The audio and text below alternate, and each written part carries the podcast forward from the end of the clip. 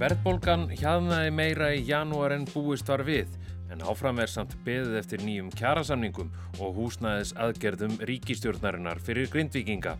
Er mikil spenna fyrir stýrivaksta ákvörðun peningastefnu nefndar Sæðlabanka Íslands á miðugudag. Magnús Geir Ejjólfsson rínir í stöðuna.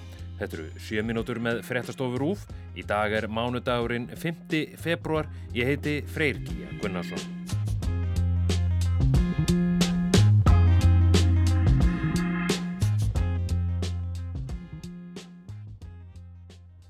Peningastefnu nefnd Seðlabankans ákvað að halda stýrivöxtum óbreyttum vegna óvissum þróun mála á Reykjaneskaga.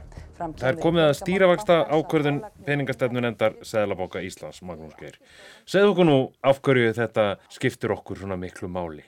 Að því að hái vextir því að einfallega peningar eru dýrari. Það verður dýrar að taka lán, bæði fyrir heimil og fyrirtæki, borgum afborgarni hækka.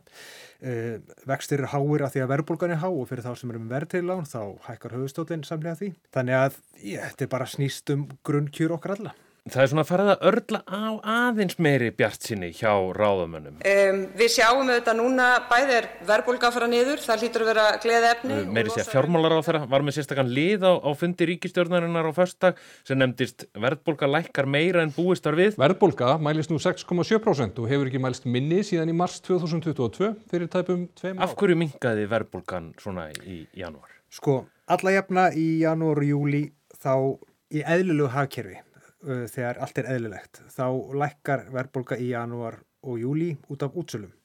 Verðlag bara er að lækka í landinu. Tímabundið. Uh, það hefur ekki gerst síðan fyrir COVID það var 2020 janúar síðan sem það gerðist. Um, en verðbólka lækkaði umtalsvægt meira en búist það við. Uh, það er fyrstulega útsölur og svo flugfargjöld skiptu þar miklu máli. Uh, þau lækkuðu tölvört meira en búist það við. Uh, vennilega Það gerist vennilega í janúar að því að eftirspunnin miklu minni enn í desember en þetta var meira. Bílar, ramarsbílanir hækkuðu minna en búist það við að því að það á að vera að breyta kerfið þar um, og svo náttúrulega var janúar í fyrra, kannski ef við munum hvað gerist þá.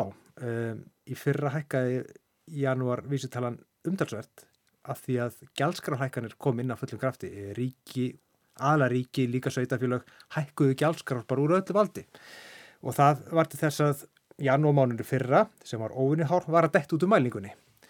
Þannig að þess vegna kom þessi lækkun sem var töluvert umfram það spár. Það eru ímis jákvæði tekníðin sem tölum e, en þetta er ekki alveg unnið en þá. Mm -hmm. Beinum þá spjótum okkar að, að selabankunum. E, stýrivöxtum var haldið óbreyttum e, síðast og þá var það nú ekki síst vegna jarðhræringana á, á Reykjaneska. Hvað er svona talið að bankin gerir núna? Það hefur henni rosalega mikið breyst síðan síðust ákvörðin. Uh, ef við munum síðustu yfirlýsingu þá var bankin rosalega herskár. Hann bókstala sagði ef það hefði ekki verið svo óvissagna í jarðhæringarna í Grindavík þá hefðu við hækka vexti. Það hefðu allir verið, verið hérna góður okkur fyrir því að gera það með, með hvernig, hvernig staðan er. En, um, en á saman tíma þá er gríðilega mikið óvissa. Það sem gerist núna við fáum tvær mjög góðar verðbólkumælingar. Verðbólkana mingar hraðar en búistur við. Uh, önnur svona mælitæki á markaði eru flestar að benda í rétta átt.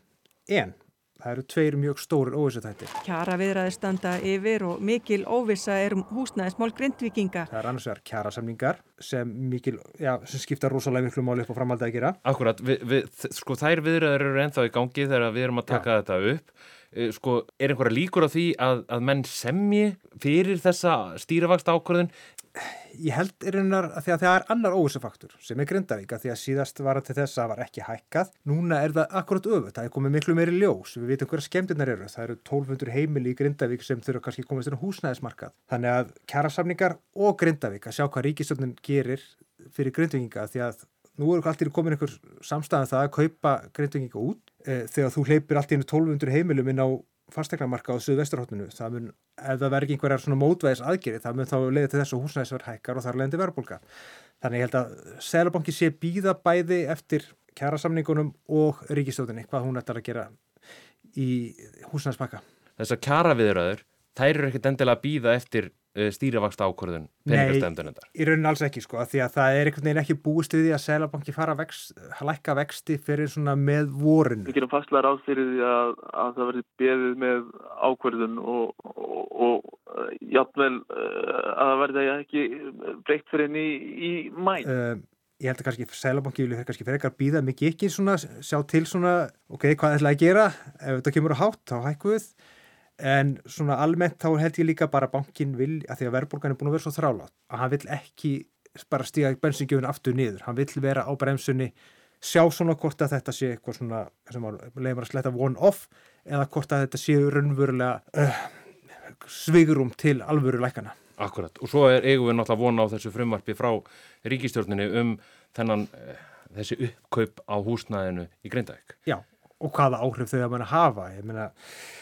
líklega vill Sælabanki sjá eitthvað mikið gerast á frambúsliðinu að það verður þá tekið kannski 2000 íbúður á Airbnb markaði. Þær verður settar inn á markað frekar heldur en að hleypa bara einu grindingum óhefla inn á húsnæðarmarkaðin með þeim afleggingum sem vil í staðan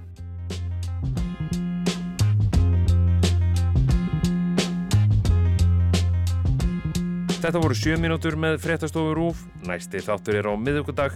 Hægt er að nálgast allar frétti Rúf á samfélagsmiðlum eins og TikTok, Facebook og Instagram. En líka á rúf.is í útvarpi og sjómarpi. Verði sæl.